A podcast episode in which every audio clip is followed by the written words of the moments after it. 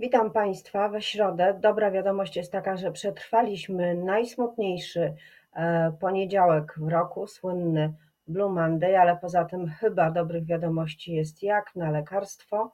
E, Pegasus e, oszalały galopuje nad parlamentem. Księgowi próbują doliczyć się złotówek w Polskim Ładzie, nie mówiąc już o pracownikach, a my wkraczamy właśnie dziś w piątą falę pandemii. O tym właśnie będę rozmawiała za chwilę z moim gościem, Zuzanna Dąbrowska. Dzień dobry. A moim gościem jest y, poseł i lekarz, szef Sejmowej Komisji Zdrowia, y, Tomasz Latos, Prawo i Sprawiedliwość. Dzień dobry. Dzień dobry, witam serdecznie. Pozdrawiam z Bydgoszczy. E, dzisiaj y, pada rekord prawdopodobnie zakażeń.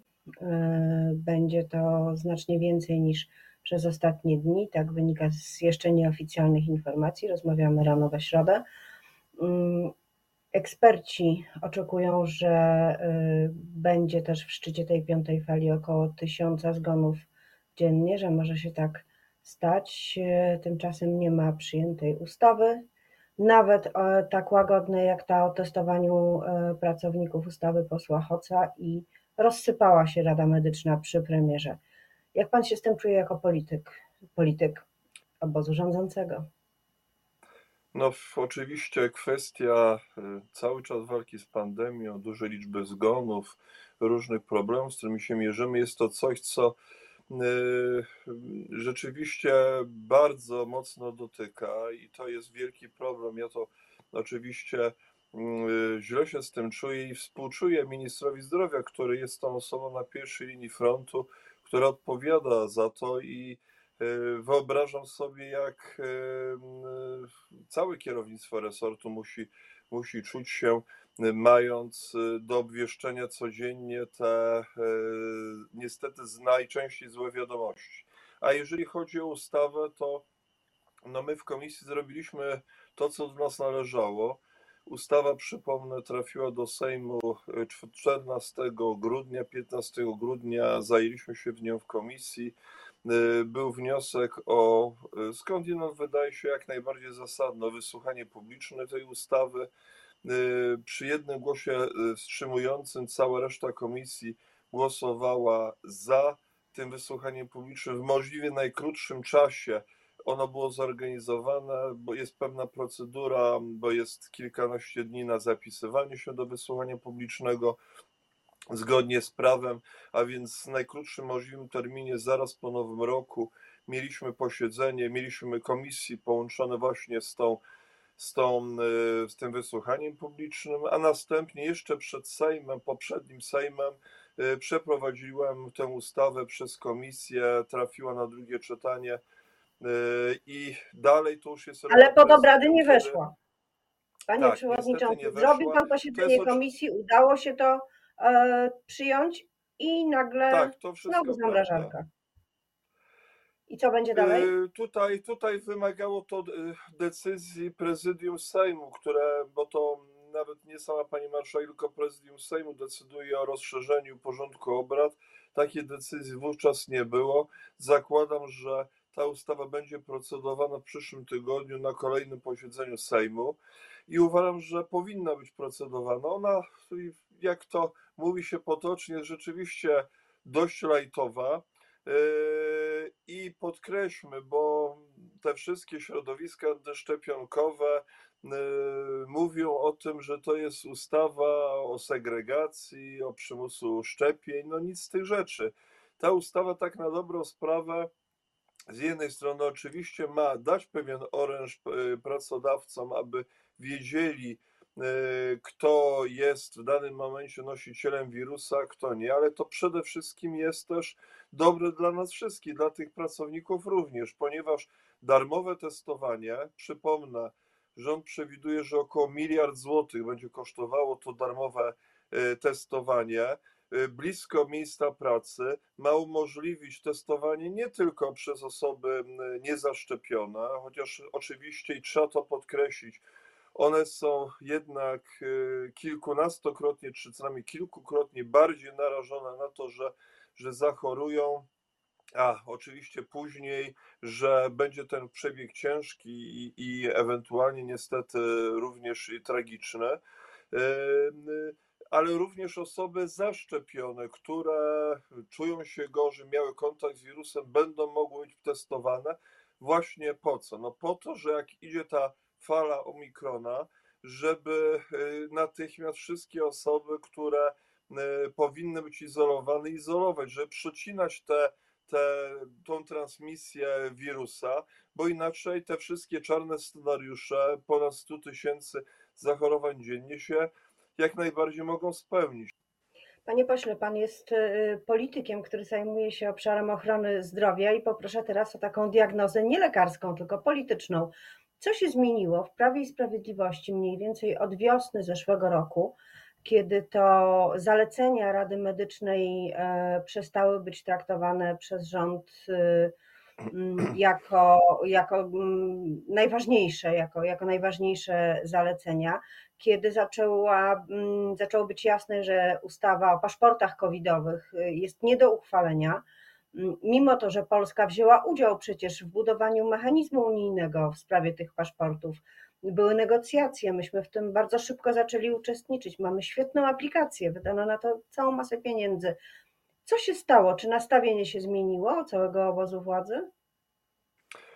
Trudno mi mówić o szczegółach, dlatego że oczywiście, jeżeli mówimy o projekcie ustawy, który zapowiadał latem minister Niedzielski, no to on tak naprawdę nigdy do parlamentu nie trafił. Y, ustawa, którą ja dostałem do procedowania, trafiła w połowie grudnia. Natomiast ma pani redaktor rację. Rzeczywiście y, od pewnego czasu można obserwować pewną, no, y, nie może większą ostrożność przy, przy tego typu projektach. Co się zmieniło? Nie wiem. Czy to jest kwestia wewnętrznej dyskusji, czy to jest kwestia tego, że E, zmienia się ogląd tego, jak co dzieje się w czasie epidemii, no bo my wszyscy na całym świecie uczymy się dopiero, jak postępować z tym wirusem, jak on się zachowuje. Okazuje się przecież, że paszporty covidowe są ważne, bo ważne jest szczepienie i podkreślmy to raz jeszcze i wielokrotnie, jeżeli trzeba, że Szanowni Państwo, szczepmy się. Naprawdę w tej chwili najlepsze, co możemy to zaproponować w walce z pandemią, to właśnie szczepionka, ale jednocześnie y, to, że ktoś jest posiadaczem paszportu, to nie oznacza, że jest czysty, że, że nie jest nosicielem wirusa, że nie przenosi jego dalej. Być może to było tym jednym z y, elementów, stąd wyraźnie widać, że w tej ustawie, z, która no, trafiła do parlamentu, jest wyraźnie postawiony nacisk przede wszystkim właśnie na testowanie, na darmowe testowanie. E, ma być to zorganizowane. Tu wydaje mi się, że od strony technicznej nie będzie to takie łatwe, aby to było gdzieś możliwie blisko pracy, no bo mamy przecież i wielkie miasta, ale i małe miejscowości, więc e, no, trzeba będzie to tak zorganizować, aby nie tylko Panie było pośle, za darmo ale... testowanie, ale też było maksymalnie dostępne. Nie tylko z tego powodu, że będzie za darmo. Mówi pan tak? tak, jakby sprawa była przesądzona. Jakby było pewne, że w następnej sesji Sejmu ustawa zostanie przyjęta, nie ma sprawy, no to liczy pan na to, że PiS zachowa dyscyplinę, czy liczy pan na to, że opozycja zagłosuje za tym projektem? Bo e, chyba na jedno i drugie liczyć nie ma co, a przede wszystkim chyba na ten pierwszy wariant E, frakcja antyszczepionkowa w PiSie jest bardzo mocna. Ja myślę, że jednak, e, jednak po pierwsze, liczmy sami na siebie, dlatego że opozycja pokazała, że mimo deklaracji, że nie będą popierać te ustawy covidowe, wręcz do tego zachęcała opozycja. Jak przyszło co do czego, jak przyszło sprawdzam, to w komisji warto, wręcz trzeba to podkreślić i powiedzieć, Platforma Obywatelska, czyli ta koalicja obywatelska, jak się nazywa klub parlamentarny y, w tej chwili, koalicja obywatelska zagłosowała przeciwko tej ustawie posła Hoca. Lewica się wstrzymała, a PSL się podzielił. Y, jedna osoba z trzech zagłosowała za, pozostałe dwie się wstrzymały. Dodam, bo to warto podkreślić, że i poseł Maksymowicz, z tego co pamiętam, i poseł Sośnierz zagłosowali za tą ustawą, mimo że przecież yy, no, też często wygłaszają inne zdania na temat różnych yy, rozwiązań rządowych w walce z pandemią, to tutaj należało właśnie głosować za, bo nawet jeżeli ktoś uważa, że ta ustawa za mało zmienia, za mało wprowadza różnego rodzaju rozwiązań, no to jest niewątpliwie dużym krokiem do przodu. Jest jeszcze też jedna rzecz, która ja tylko nie dodam, wspomniała. Panie pośle, przepraszam, ja tylko dodam, że we wtorek e, wieczorem Donald Tusk zapowiedział, że e, Platforma Obywatelska będzie głosowała za wszystkimi covidowymi ustawami, także za tą też e, podczas głównego głosowania.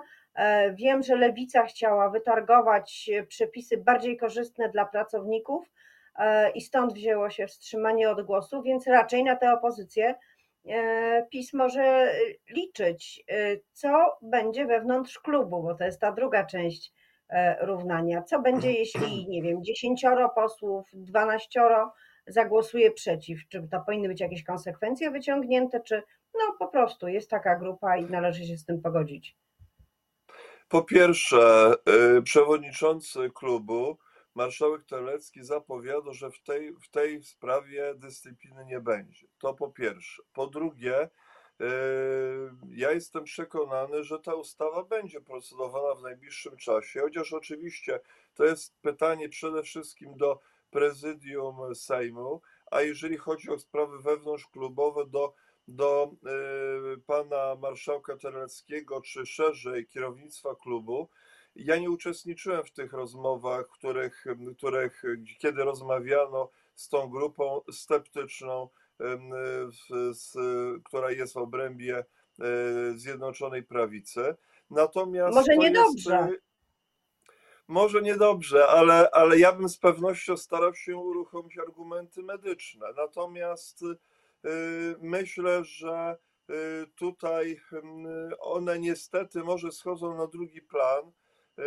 Wydaje mi się, że no, pewne środowiska przeciwników szczepień, bo to należy też roz, rozszerzyć na, na, na też osoby, które są przeciwnikami szczepień, no dość mocno okopały się na swoich pozycjach i w zasadzie wydaje się, że żadne racjonalne argumenty nie są w stanie przekonać. Ja wręcz słyszałem o takiej historii, opowiadał mi to e, jeden z pracowników e, szpitala, że udało się uratować, właściwie cudem, udało się uratować osobę, która była niezaszczepiona. Po odłączeniu od respiratora ta osoba mówiła, że była pewna, że usłyszy, no teraz będę wszystkich namawiał do szczepienia, ta osoba ku zdumieniu personelu powiedziała, no całe szczęście, że nie byłam zaszczepiona, bo wtedy bym nie żyła. No dochodzimy do tego typu absurdów, rzeczy, które, które właściwie w sposób racjonalny nie da się wytłumaczyć. Panie pośle, ale to przecież koledzy z pana klubu, klubu, posłanka Siarkowska, ona też mówi takie rzeczy. Wicemarszałek Terlecki, broni pani Barbary Nowak, e, kurator, która mówi, że szczepionki to, to, to są działania eksperymentalne. No to chyba trzeba e, też u siebie spróbować e, coś z tym zrobić. Czy to jest niemożliwe z przyczyn politycznych? Ja myślę, że to jest robione nieustająco, ale ja chciałem pokazać na pewne zjawisko, pewne zjawisko, nie wiem, społeczne, socjologiczne, y, które właściwie spotykamy się, jak się obserwuje zresztą obrazki w telewizji, spotykamy się na całym świecie. Y, trudno do końca zrozumieć, albo w ogóle trudno zrozumieć, dlaczego w dzisiejszych czasach doktor Google ma czasami większe znaczenie niż wielu autorytetów. Czemu ma znaczenie dla kogoś, że jeżeli jeden na tysiąc e, wypowiedzi medycznych profesorów, doktorów jest na nie, jest sceptyczna, to słucha się tej jednej, a nie tych 999. No ale tak to niestety dzisiaj wygląda. W związku z tym no, trzeba mimo wszystko iść do przodu. E, przy czym ja nie byłbym taki pewien e, i nie do końca bym wierzył w te deklaracje polityków opozycji, bo ja mam wrażenie, że to głosowanie w komisji było podyktowane niczym innym, jak tylko chęcią y, zrobienia na złość rządowi. Na zasadzie, jak wy coś proponujecie, to my jesteśmy przeciw. Y, Taka pokusa, aby za wszelką cenę, jak to byłoby możliwe, wręcz doprowadzić do pewnego kryzysu rządowego. I z taką pokusą być może zmierzą się również posłowie opozycji w czasie już ostatecznego głosowania w Sejmie. Tak to niestety w tej chwili w polskiej polityce wygląda, jeżeli chodzi o te relacje rządzące-opozycja. E, Panie Przewodniczący, nie ma, o czym już y, wspominałam, Rady Medycznej przy premierze. Przestała istnieć, podobno mają teraz, ma działać y, na nowych zasadach, mają ją zasilić socjologowie, ekonomiści. Nie wiem, czy będą liczyć opłacalność ratowania pacjentów z COVID-em, czy, czy nie. To jest już moja własna złośliwość, ale nie bardzo to rozumiem. Chciałam zapytać o słowa profesora Konstantego Szulczyńskiego, który jest człowiekiem chyba niezmiernie wyważonym i na pewno nie, nie angażuje się politycznie i, i bardzo wiele czasu poświęcił na, na pracę w Radzie Medycznej, który powiedział, że gdyby Polska prowadziła przez ostatni rok, półtora odpowiednią antypandemiczną politykę i wprowadzała odpowiednie obostrzenia, to być może można by uniknąć do trzech czwartych tych śmierci, z którymi mamy do czynienia. I to prawda, że cały świat walczy z pandemią i się uczy, ale my się uczymy wyjątkowo opornie, sądząc po wskaźniku śmiertelności. Więc tutaj kilka rzeczy, do których się zaraz odniosę. Po pierwsze, ja chciałem bardzo gorąco podziękować członkom Rady Medycznej przy premierze za ich kilkunastomiesięczną ciężką społeczną pracę. I uważam, że w takiej czy innej formie ta Rada Medyczna powinna dalej funkcjonować. I podkreślam właśnie słowo medyczna. Okej, okay. pewnie jest potrzeba też oceny tego, co będzie również po pandemii.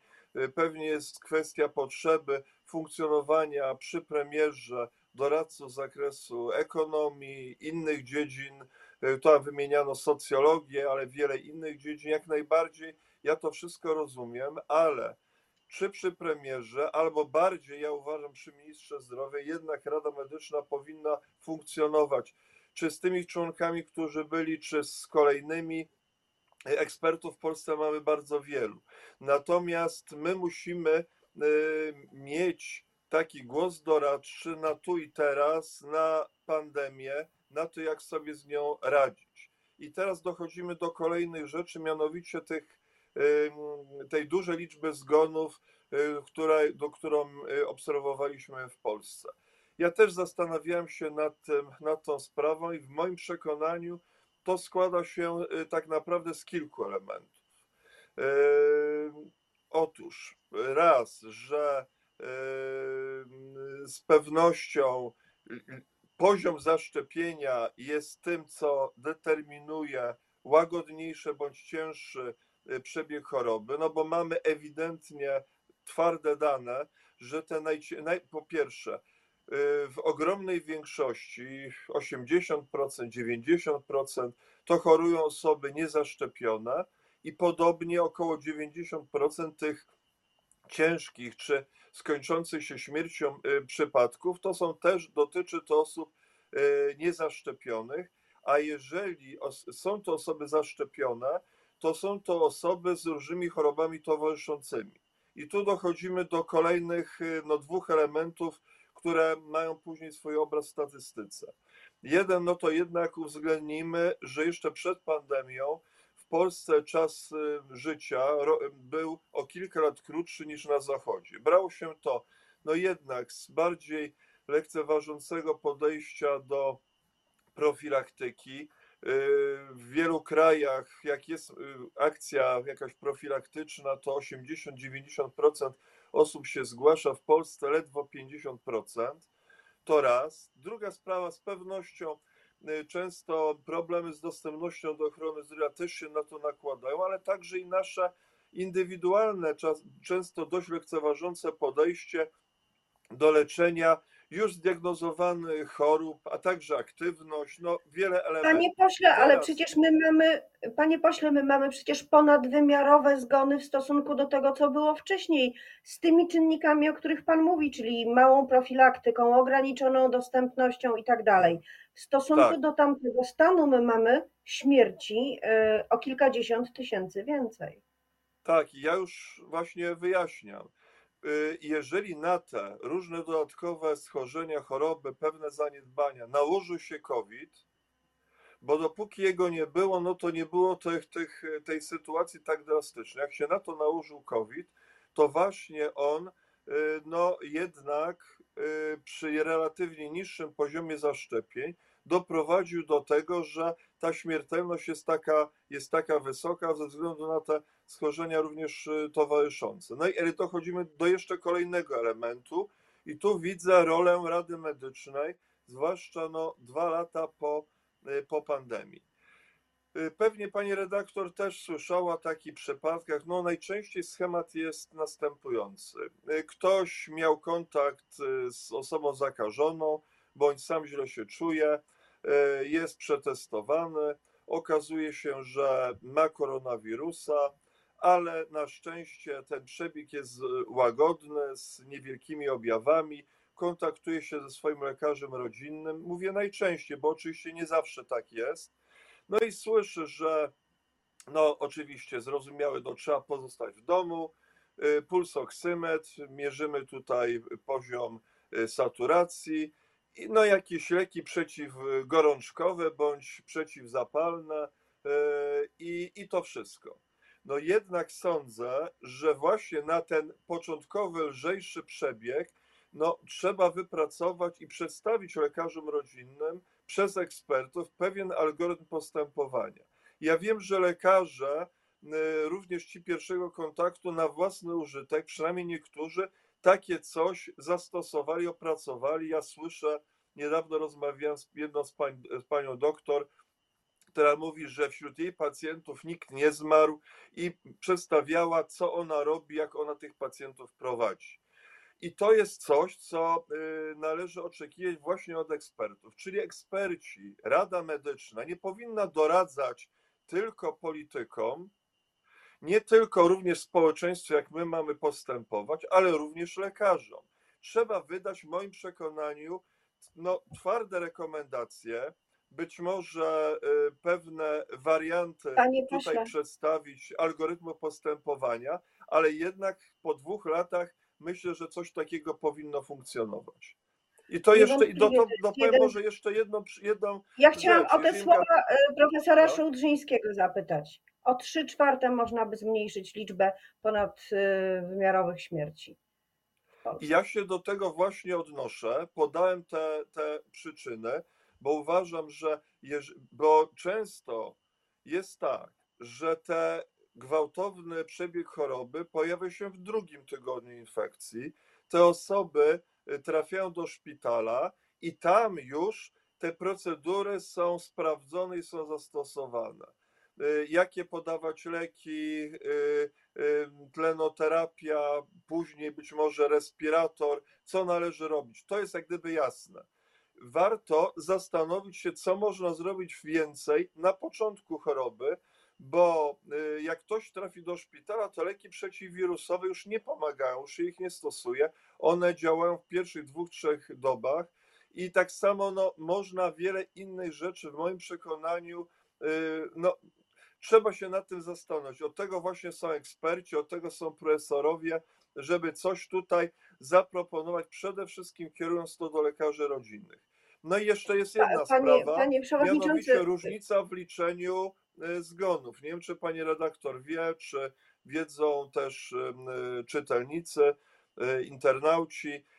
W wielu krajach na zachodzie, jeżeli jest jakaś ciężka choroba i COVID, to tych zgonów nie, nie zalicza się do zgonów covidowych. A w Polsce, z tego co znowu słyszałem od jednego z lekarzy, to ktoś ma na przykład ciężką niewydolność krążenia, ginie z tego powodu.